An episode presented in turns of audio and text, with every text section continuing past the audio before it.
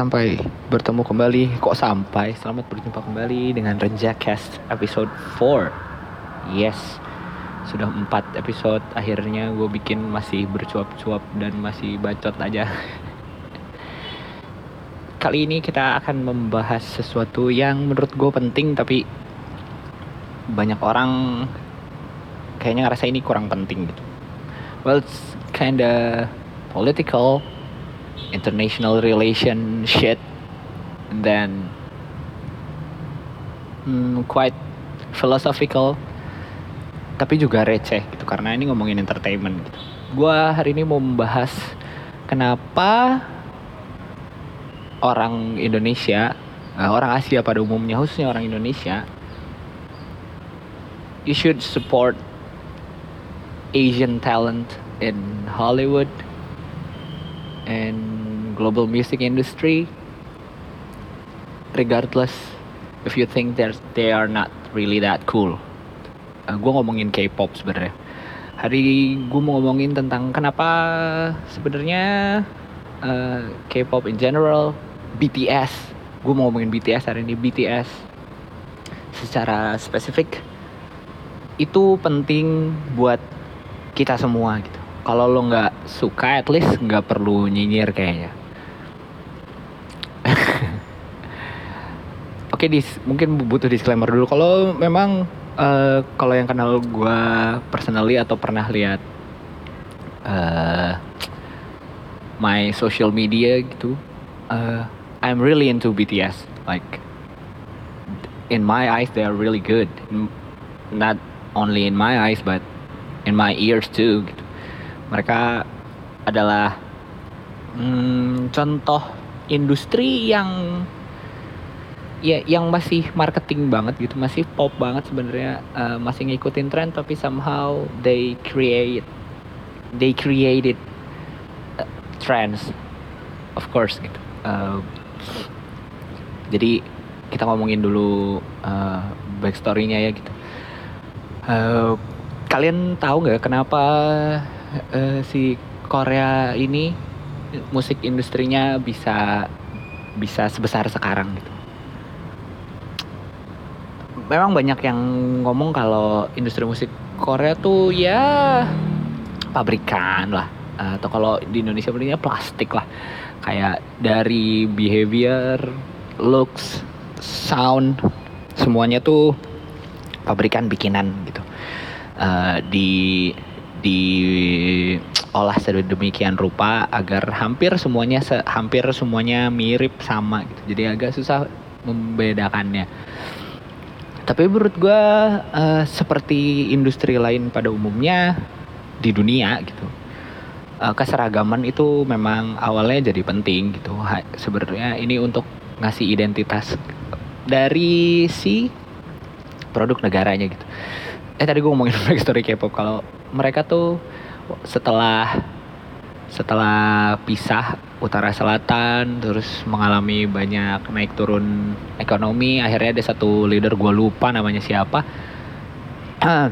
Dia bilang kalau apa kalau kelas menengahnya udah banyak uh, industri hiburannya harus diperbaiki. Seenggaknya produksi kualitas produksinya lah gitu karena Korea waktu itu tahun berapa? 90-an kali ya. 90 iya 90-an deh kayaknya. Jadi waktu 90-an itu uh, kelas menengahnya naik gitu, tumbuh ekonominya mirip-mirip kita sekarang. Tapi saat itu seperti kita sekarang juga industri hiburannya ya gitu aja gitu jelek uh, bukan masalah tidak mendidik dan apa dan apa apa ya industri mah memang eh industri hiburan mah gunanya bukan mendidik. Tapi ya menghibur namanya juga industri hiburan. Cuman ah ntar minum dulu. Cuman mereka hmm, ya si, si presidennya gue anjing gue pakai lupa lagi namanya siapa tai lah. Kelihatan banget. Padahal belajarnya baru kemarin shit.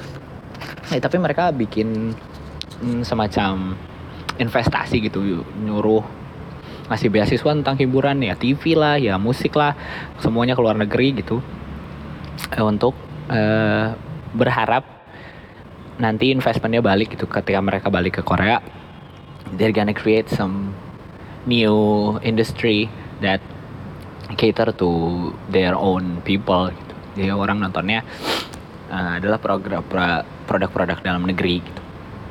Dan investasinya ternyata berhasil gitu. Kayak kalau kalian lihat industri hiburannya Korea itu mau musik, mau film, mau apa, itu tuh semuanya sebenarnya rigid gitu. Oh, ada plannya anjing kalau lo lihat uh, live aja bisa di retake berulang-ulang agar saat mengudara saat on air uh, mereka dapat footage yang as perfect as it could be hmm, dari situ ketika industri dalam negerinya bagus uh, ya lama-lama kedengeran dong. Apalagi uh, setelah 90-an itu mulai internet kan masuk 2000-an uh, mereka breakthrough at least di Asia. Akhirnya banyak fansnya banyak banyak banyak fanaticsnya gitu. Marketingnya berhasil akhirnya uh, terms K-pop keluar. Walaupun dulu menurut gue K-drama dulu sih tapi ya K-pop keluar um, dari situ semua orang mulai ngomongin ini seperti tren baru pada umumnya. Pasti tren orang-orang lama dan orang-orang yang uh, maksud gue haters gonna hate gitu. Pasti pasti punya haters. Menurut gue kalau ada orang yang nge-hate lo berarti karya lo bagus sih I think. So akan selalu ada. Uh, terus, terus mulailah caci caci maki dari berbagai macam pihak tentang si Korean industry ini gitu hmm, terus uh, bergeser. Gue gue juga dulu dengerin banget K-pop. Terus gue dulu punya perspektif sendiri kalau Korean pop tuh ya yang kayak gini gitu. Uh, yang seperti kalian seperti orang-orang yang nyinjir sampai sekarang ngomongnya masih mirip. Kayak ini terlalu pabrikan ada suara ada sound ada nada yang ini Korea banget gitu. Gue nggak begitu bisa sih ngejelasinnya. Cuman uh, ya boy band aja gitu. Uh, boy band dan girl band tuh ya dari dulu formulanya sama. Bahkan di western juga sama gitu. Cuman cuman trainingnya Korea lebih bikin mereka jadi robot. Dan memang terdengar terdengar artificial terlihat artificial gitu. Terlihat terlihat ya nggak real memang. Tapi itu terbukti berhasil gitu. Uh, sampai akhirnya terakhir dulu gue dengerin banget waktu itu. Sampai gue mencari akhirnya indinya kayak apa sih? gitu. Gue sangat sangat sangat masuk sama si Korean culture ini. Akhirnya gue berhenti sekitar 2012 2013 kayak gue gue mulai berhenti. Karena uh, ya seperti kalian bilang juga gitu kalau kalau industri akan selalu ngikutin tren gitu. Ketika mereka sudah jadi agak mulai jadi tren Asia gue mulai bosen aja. Gue tidak mendengar sesuatu yang baru gitu. Tidak mendengar uh, cerita yang baru. Mungkin buat gue industri hiburan harus bercerita gitu. Mau film mau mau musik mau video game. Sorry sorry. Anjing ada batuknya segala ini. Podcast apa ini? Uh, ya. itu harus ada uh, ada cerita yang baru gitu. Dan gue tidak menemukan uh, cerita yang baru itu. Di Korean culture setelah 2012 sampai 2015an kayaknya ya. Uh, enggak enggak. 15 16 deh gue nemu. 16 ini gue akhirnya nemu si Bang Tan Sonyon dan ini gitu. Gue pertama ke hook banget. Anjing gue nggak tahu sih uh, nggak tahu sih yang mana tapi storytelling tapi pertama kali gue ke hook banget itu pas lagu I Need You gitu lu coba dengerin I Need You itu punya hmm, gimana ya ya masih masih masih sangat Korean pop tapi Ye, ada motor. Ini masih sangat Korean pop, tapi gue mendengar uh, banyak nada nostalgia uh, pop western di situ gitu. Influence baratnya cukup kental. Kayak tahun-tahun itu tuh lagi gede-gedenya future bass menurut gue kayak uh, ala-ala kalau lo dengerin EDM barat ada ala-ala agak ala-ala marshmallow gitu, ala-ala chain smokernya yang yang memang sedang gandrung gitu. Dan mereka kayak dari si BTS ini cater to that tapi dengan tidak kehilangan si ke Koreaannya gitu. Dan uh, seperti aduh duh, seperti fans pada umumnya waktu gue ke hook ya akhirnya gue baca liriknya gue ke hook sama storytellingnya yang mana video klip dari awal sampai even sampai yang sekarang itu ada ada satu coherent story. Ya gue ke hook ada terus ternyata fannya uh, punya teori macam-macam lah ada ada cerita bunuh dirinya lah gitu. Message-nya anxiety depression sampai sampai ya yeah, endingnya love in a different way gitu. Eh, ini buat gue sesuatu yang sesuatu. Anjing apa sesuatu yang sesuatu? Ya sesuatu yang baru lah gitu. Uh, eh, gue sangat gue sangat senang melihat dan mendengar akhirnya gue kehook banget. Hmm. terus makin tinggi mereka masuk masuk US Western. Yang gue sedih adalah hmm, komunitas Koreanya juga ternyata ya makin seperti gue bilang tadi kalau makin gede lo haters lo makin banyak. Dan itu menandakan lo semakin tinggi. Dan ini yang terjadi gitu sama si bangtan bangtanan ini. Mereka punya haters bahkan di komunitas uh, Korean popnya sendiri. Ada rivalry yang menurut gue nggak nggak terlalu berimbang antar ngebandingin di mereka dengan grup lain lalala begitu masuk Amrik akhirnya puncaknya adalah gue tahu uh, eh, gue ngerasa gue agak prediksi gue nggak gue ngerasa berhasil memprediksi sesuatu yang akan jadi besar di masa depan gitu. Ketika 2015 itu are nothing gitu biasa aja. But but I but I like them quite a lot gitu. Dan ternyata benar kejadian akhirnya mereka masuk ke global dan lain-lain. Sampai kemarin puncaknya adalah yang speech UN lo kalau lihat cari berita deh ada BTS ngomong di United Nation gitu. Ya sebenarnya uh, speechnya speechnya bagus. Tapi tuh honest menurut gue ntar poker dulu. Hmm, speechnya bagus message-nya bagus. Tapi emang terdengar agak klise sebenarnya kayak speak yourself up love yourself lalala itu tuh gak terlalu bagus. Tapi sebuah grup eh gue mau bilang kalau dunia ini masih rasis sampai sekarang uh, ketika ada grup grup yang pabrikan musisi yang ya yeah, terserah sih lo mau bilangnya mereka artificial atau enggak. Eh kok artificial sih? Superficial atau enggak? Tapi kesempatan untuk ngomong di forum politik besar seperti itu menandakan mereka diakui gitu. Dan menandakan kalau Korea diakui. Lebih jauh dari itu menandakan kalau Asia sudah mulai diakui gitu mulai dilihat uh, kontribusinya. Dunia tuh kan terserah lo mau mau dukung apa enggak. Menurut gue memang ini adalah hasil kapitalisme gitu. Oh, anjing jadi kapitalisme medan berat nggak asik nggak enggak ya kapitalisme gitu. Uh, dunia tuh memang dipegang sama orang putih. Mau gimana mau gimana juga emang emang gitu gitu. Karena mereka menang perang dulunya. Dan kalau lo kalau kita lihat sejarah-sejarah lamanya Jepang aja dulu ikut perang dunia kedua hanya agar masuk buku sejarahnya dunia. Karena mereka tahu dulu si Jepang ini sadar kalau mereka nggak ikut nggak ikut tren mereka nggak diakuin gitu. Kalau mereka nggak nggak ikut perang dunia mereka nggak akan diakuin. Dan Asia saat itu nggak akan diakuin. Bedanya sekarang perang kan udah susah. Uh, perang tuh udah banyak social justice warrior lah udah banyak udah exposure-nya lebih gampang ada sosial media dan lain-lain. Kalau lu jadi penjahat perang tuh berabe lah gitu. Sekarang tuh yang menang adalah kapitalisme gitu. Dan di kapit gua nggak gua nggak benci kapitalisme karena sebenarnya ngasih ngasih playing field yang sama kan. Yang membedakan lo berprestasi apa enggak adalah lo ngasilin duit lebih banyak apa enggak lo punya kapital lebih banyak apa enggak gitu. Dan apa hmm, ketika lo punya kapital lebih banyak daripada orang lain di dunia lo bakal diakuin gitu. Seperti dulu kalau lo ikut perang lo bakal diakuin. Nah uh, si BTS ini menjual gitu. Dengan kapital yang lebih banyak mereka diakuin. Karena mereka memang lebih tajir daripada yang lainnya. Memang that's how the world work. Kalau lo mau diakuin gak usah Muna jadi gak usah juga Muna. Eh gue suka lihat tadi ya aduh anjing umbelan masa? Maaf maaf. Ya gue suka ngeliat kalau orang-orang ya banyak yang banyak yang bilang gue usah terlalu cari duit lalala lili ya, kayak tapi dalam hati kalian tahu makin kaya kalian kalian makin diakuin gitu.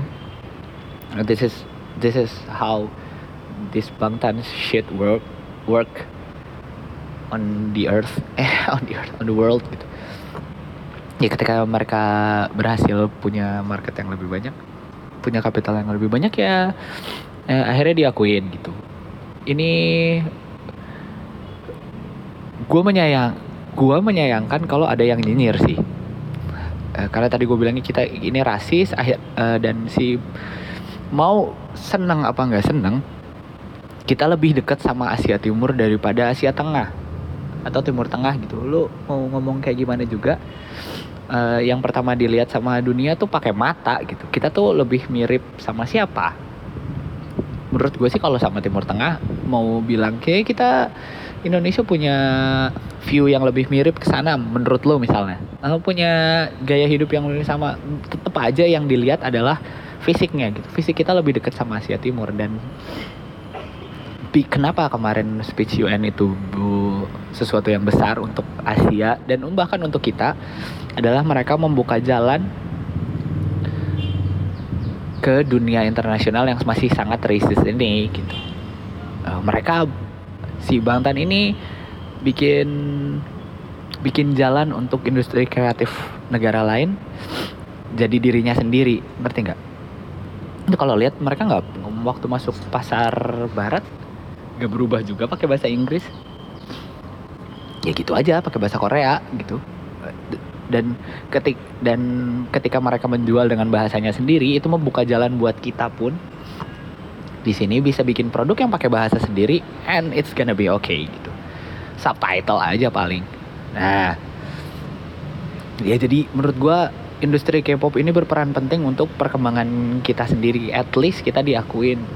At least satu Asia diakuin. Begitu mereka buka jalan walaupun masih asosiatif sih kayak ya Asia Asia general gitu nggak Indonesia. Tapi itu itu sangat membuka jalan untuk kita triumph lah. Di luar ya Triumph masih jauh sih kali kayaknya udah cucunya cucu gue baru mungkin kita bisa setara sama orang putih. Ya karena memang orang putihnya juga nahan agar kita nggak nggak tinggi tinggi banget. Ya yang mana wajar sih. Gue juga kayak kita juga kayaknya dulu kalau penang perang zaman Majapahit kita menang perang mulu juga pasti kita nahan nahan ras lain untuk jadi lebih bagus dari kita. Ya itu. Jadi regardless lo ngerasa itu ngerasa si K-popers ini alay lah atau apalah menurut gue akan kontraproduktif kalau lo selalu ngatain orang-orang yang sudah membuka jalan untuk kita dan anak cucu kita punya kesempatan lebih baik karena mereka membuktikan pada dunia barat yang kapitalistik ini kalau dengan dengan produknya sendiri mereka bisa meraup uang kok gitu. Menurut gue ini sesuatu yang penting untuk untuk kalian pikirkan. Ini juga akhirnya nyambung ngebleed ke yang lain.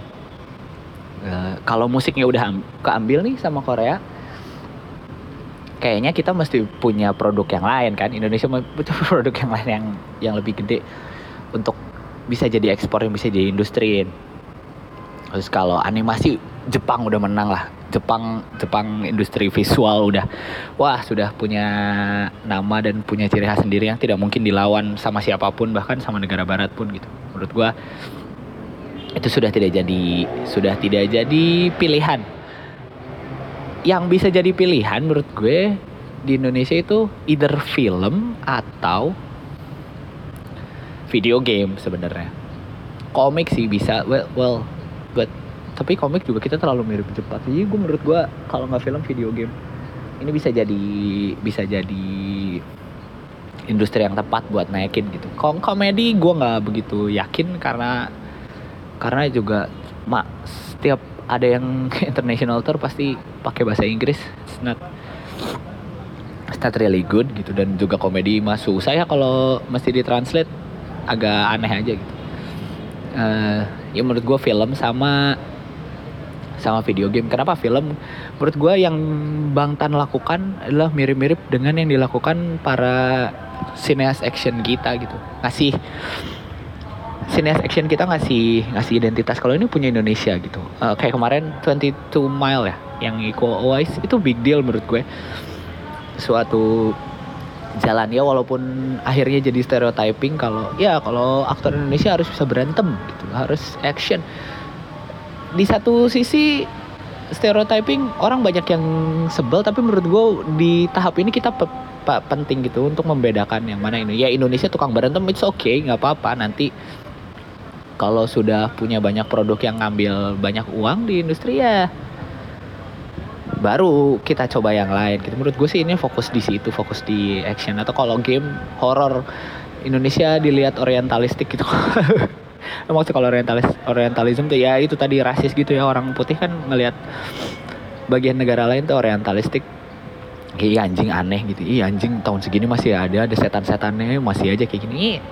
Emang emang buat gue sering lihat sih orang-orang teman-teman gue yang tinggal di luar atau yang suka sih yang sudah belajar belajar western philosophy kesannya orientalistik jahat tapi menurut gue ya tahap aja sih kita butuh tahap di mana membedakan kita ini apa. Kalau identitas kita sekarang adalah action, tukang berantem dan horror, so be it gitu. Yang penting dapat duit dulu aja lah, nggak usah nggak usah banyak nggak usah banyak mau kita belum ada di tahap barat lah gitu. Uh, abis itu apa ya? ya itu tadi film, video game, komik I don't really think so. Karena komik kita industri lumayan naik pekerjaannya karena kita ngerjain komik DC dan lain lo banyak loh ilustrator Indonesia nya tapi well it's not nggak bikin brand sendiri juga. Kita nggak punya pembedanya gambarnya masih mirip Barat atau mirip Jepang. It's not bukannya gue mengecilkan teman-teman industri kreatif yang lain penyanyi atau apa tapi ya uh, belum belum bisa aja sih gitu. Kayaknya uh, penting gitu. Ini juga sama seperti Crazy Rich Asian kemarin.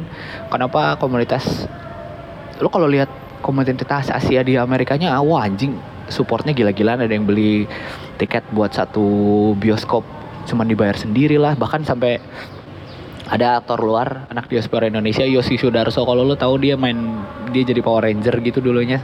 Dia ke sini main film di Indonesia dia beli Crazy Rich Asian yang terus dibagi-bagi itu biar biar box office-nya naik karena dia karena mereka tahu cara satu-satunya cara diakui di Amerika itu ya dengan ya dengan lo masuk box office dengan lo jadi kajer lo membuktikan kalau lo laku gitu. Dan it's it's quite important.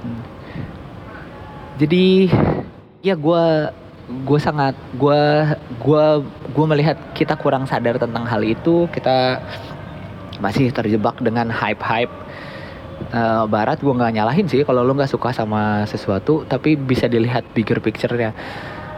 It's not really about uh, who's cooler than who siapa yang siapa yang alay siapa yang lebih gaya gitu. Uh, it's not about that. Karena enaknya zaman kita sekarang adalah bahkan nih gue yang bikin podcast gak jelas gini gue gue yakin dan sampai sekarang sih ini episode 4 rata-rata ya ada episode yang pendengarnya lebih banyak dari yang lain tapi gue tahu seenggaknya ada lima orang lah yang dengerin gue sejelek-jeleknya karya lo sealay-alaynya karya lo se, se dicerca-cercanya karya lo pasti ada marketnya. Dan dengan konektivitas yang tinggi ini lo kalau nyinyir sesuatu uh, akan banyak komunitas yang merasa tersinggung dengan dengan nyinyiran lo. Apalagi kalau disayangkan kalau lo suka ya kalau lo nggak sukanya dan lo nyinyirnya pada sesuatu yang ternyata membantu lo gitu. Ya pesan gue mah pesan gue mah ini sih untuk memilih produk apa pun lo mau hiburan lo mau sandang pangan lo mau mau apa gitu. Menurut gue hmm, kita pilih dari yang paling lokal sampai paling internasional ngerti gak? Kalau lo bisa milih produk satu negara lo sendiri itu helping banget karena ngasih tahu pasar kalau kita bisa. Terus kalau ternyata lo masih nggak suka, jangan langsung loncat ke brand internasional banget. Gue lo lihat lo lihat brand Asianya dulu gitu dari Asia ya Asia Tenggara misalnya terus dari situ baru lu lihat se Asia dulu. Baru baru lu melirik pilihan terakhir gayanya baru lu milih ke ini gitu. Milih ke brand internasional yang memang dari barat. Kenapa mesti kayak gitu? Ya tadi balik lagi. Agar membuktikan pada dunia kalau apa produk ini bisa bersaing bukan bersaing kualitinya tapi bersaing orang yang belinya gitu sih dan itu sih pesan gue pesan gue di podcast hari ini. Dan oh tep, oh iya ya biasanya gue ada unek-unek ya. Berkaitan dengan filosofi ini gue lagi melihat kalau Apple anjing jadi Apple jauh banget. Enggak enggak sih enggak jauh banget. Mirip-mirip Apple tuh kehilangan sense of Americannya. Kenapa kehilangan sense of Americannya? Uh, jadi karena kita hari ini ngomongin kapitalisme gitu uh, Amerika tuh kan kapital yang bikin yang bikin sistem kapitalistik ini uh, hebat di mata dunia gitu. Caranya jadi kapitalistik tuh uh, adalah produksi massal. Lu menghilangkan lu mengurangi kualitas dan uh, dengan kuantitas yang banyak menyamaratakan gitu yang bikin dulu Amerika menang dari Eropa adalah ada bukunya lu kalau baca Alexis de Tocqueville anjing juara nggak ada hal uh, demokrasi dari Alexis de Tocqueville dia tuh kayak orang Prancis yang yang apa pelajari banget si demokrasi dan kapitalisme langsung ke Amerikanya zaman dulu gitu. Zaman Amerika pertama kali berdiri. Dia bilang yang bikin beda adalah saat di Eropa semua bikin barang eksklusif artisan maksudnya artisan tuh kayak kita tuh empu gandring gitu bikin keris. Ada satu keris yang anjing ya dan pisan sakti. Yang itu cuma ada dua di dunia gitu. Uh, terus di Eropa juga gitu ada pistol yang pistol atau pedang yang signature gitu. Itu cuma punya beberapa orang yang punya. Harganya memang mahal. Tapi gak semua orang bisa punya. Sedangkan di Amerika adalah mereka bikin pedang pabrikan bikin pistol pabrikan gitu. Agar semua orang punya gitu. Bukan kualitas harganya sekali beli banyak tapi yang penting kuantiti aja dijual banyak orangnya jabarannya komunitasnya jadi banyak semua orang ngerasa sama gitu. Dan Apple itu dulu kayak gitu menurut gue. Mereka pertama kali ngeluarin iPhone dan waktu dulu Steve Jobs bilang kalau ini akan jadi tren di seluruh dunia semua orang akan pakai pakai telepon pintar ini gitu. Yang dia lakukan dulu kan itu bikin teknologi yang hanya dimiliki militer dulu, teknologi yang nampaknya sangat eksklusif, dia bikin produksi massal untuk membantu banyak orang hidup dengan taraf yang lebih tinggi. Tapi sekarang si anjing ini, aduh anjing kasar, bayar. Ya si penjaya anjir ini malahan bikin iPhone sangat eksklusif gitu produk Apple sangat eksklusif harganya jadi mahal barangnya hanya sedikit modelnya gitu XXS what the hell itulah terus kalau lu pakai Mac semua environmentnya harus Mac juga gitu harus Apple juga untuk untuk mendapatkan semua fiturnya. Dan dengan harga yang segitu di dunia yang sekarang kelas menengahnya jadi masih nggak nggak terjangkau lah. Siapa juga yang bakal beli gitu kalau nggak. Dan itu sangat tidak Amerika menurut gue sedangkan yang Asia-Asia ala Xiaomi atau Samsung malah melakukan hal yang terbalik. Ya Samsung tengah-tengah sih mereka masih suka bikin sesuatu yang agak eksklusif dan tidak terjangkau tapi ya ini kehilangan keamerikaannya gitu. Dan gue lihat gue rasa begitu itu imbas ke hal yang lain. Uh, Hollywood mah ya masih lumayan sih film.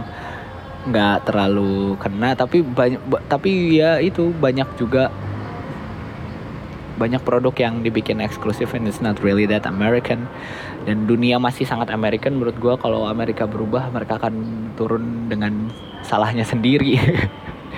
Ya dan ya sangat disayangkan aja gitu. Gue nggak yang Apple lakukan malah bikin artisan.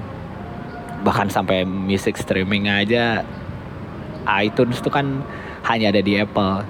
Kalau lo lihat sekarang Spotify mungkin lebih lebih tinggi. Lebih tinggi usernya ya karena dibikin massal gitu. That's how Americans do. And that's how Americans reign power and that's how China China got new power today. Ya, kayak gitu sih. Uh, jadi Terima kasih sudah mendengarkan ocehan gue tentang kapitalisme, K-pop, dan Asian industry. Semoga kita bisa lebih mendukung bukan ya lebih mendukung lebih mendukung produk-produk Asia agar karya kita juga bisa didengar sih. Buat teman-teman yang musisi, teman-teman yang ya apa pun lah yang industri kreatif. Uh, tolong jangan sia-siakan jangan sia-siakan atau jangan kufur nikmat lah anjing. Gitu kayak kufur nikmat. Ya jangan kufur nikmat sama sesuatu yang sudah dibukakan jalannya gitu. Terserah lo gua nggak gua nggak akan gua nggak akan campaign juga. Lo harus dengar K-pop lah lah enggak sih? Tapi yang penting tidak saling tidak saling menjatuhkan sesama kaum yang sedang berjuang gitu. Kita orang kulit berwarna masih butuh untuk bersatu. Seenggaknya tidak saling menjatuhkan gitu. Sini sama pesannya seperti yang kemarin cewek-cewek itu. Sama cewek jangan saling menjatuhkan dulu. Ya untuk melawan dunia yang gue sering dengar kalian benci dengan tatanan dunia. Well that's how we fight it. So thank you sekali lagi buat yang buat yang udah dengerin dari dulu dari episode 1 sampai sekarang. Buat yang baru denger halo gue gue Renjana Adi gue gue podcaster maybe. Dan kalau ada apa-apa lo bisa lihat Instagram gue di @renjanaadi eh @renjakes lo bisa komen bisa DM lo bisa request lo bisa ngomongin apa aja di sana. Sekali lagi terima kasih sudah mendengarkan. Uh, dunia memang aneh. Tetap hidup lah tetap tetap berjalan sebagaimana mestinya kurangin perselisihan antar sesama dan mari kita lihat dunia dengan lebih lucu daripada daripada aneh. Saya Prat cabut, saya rencana dicabut. Terima kasih banyak sekali lagi. Sampai jumpa minggu depan. Bye.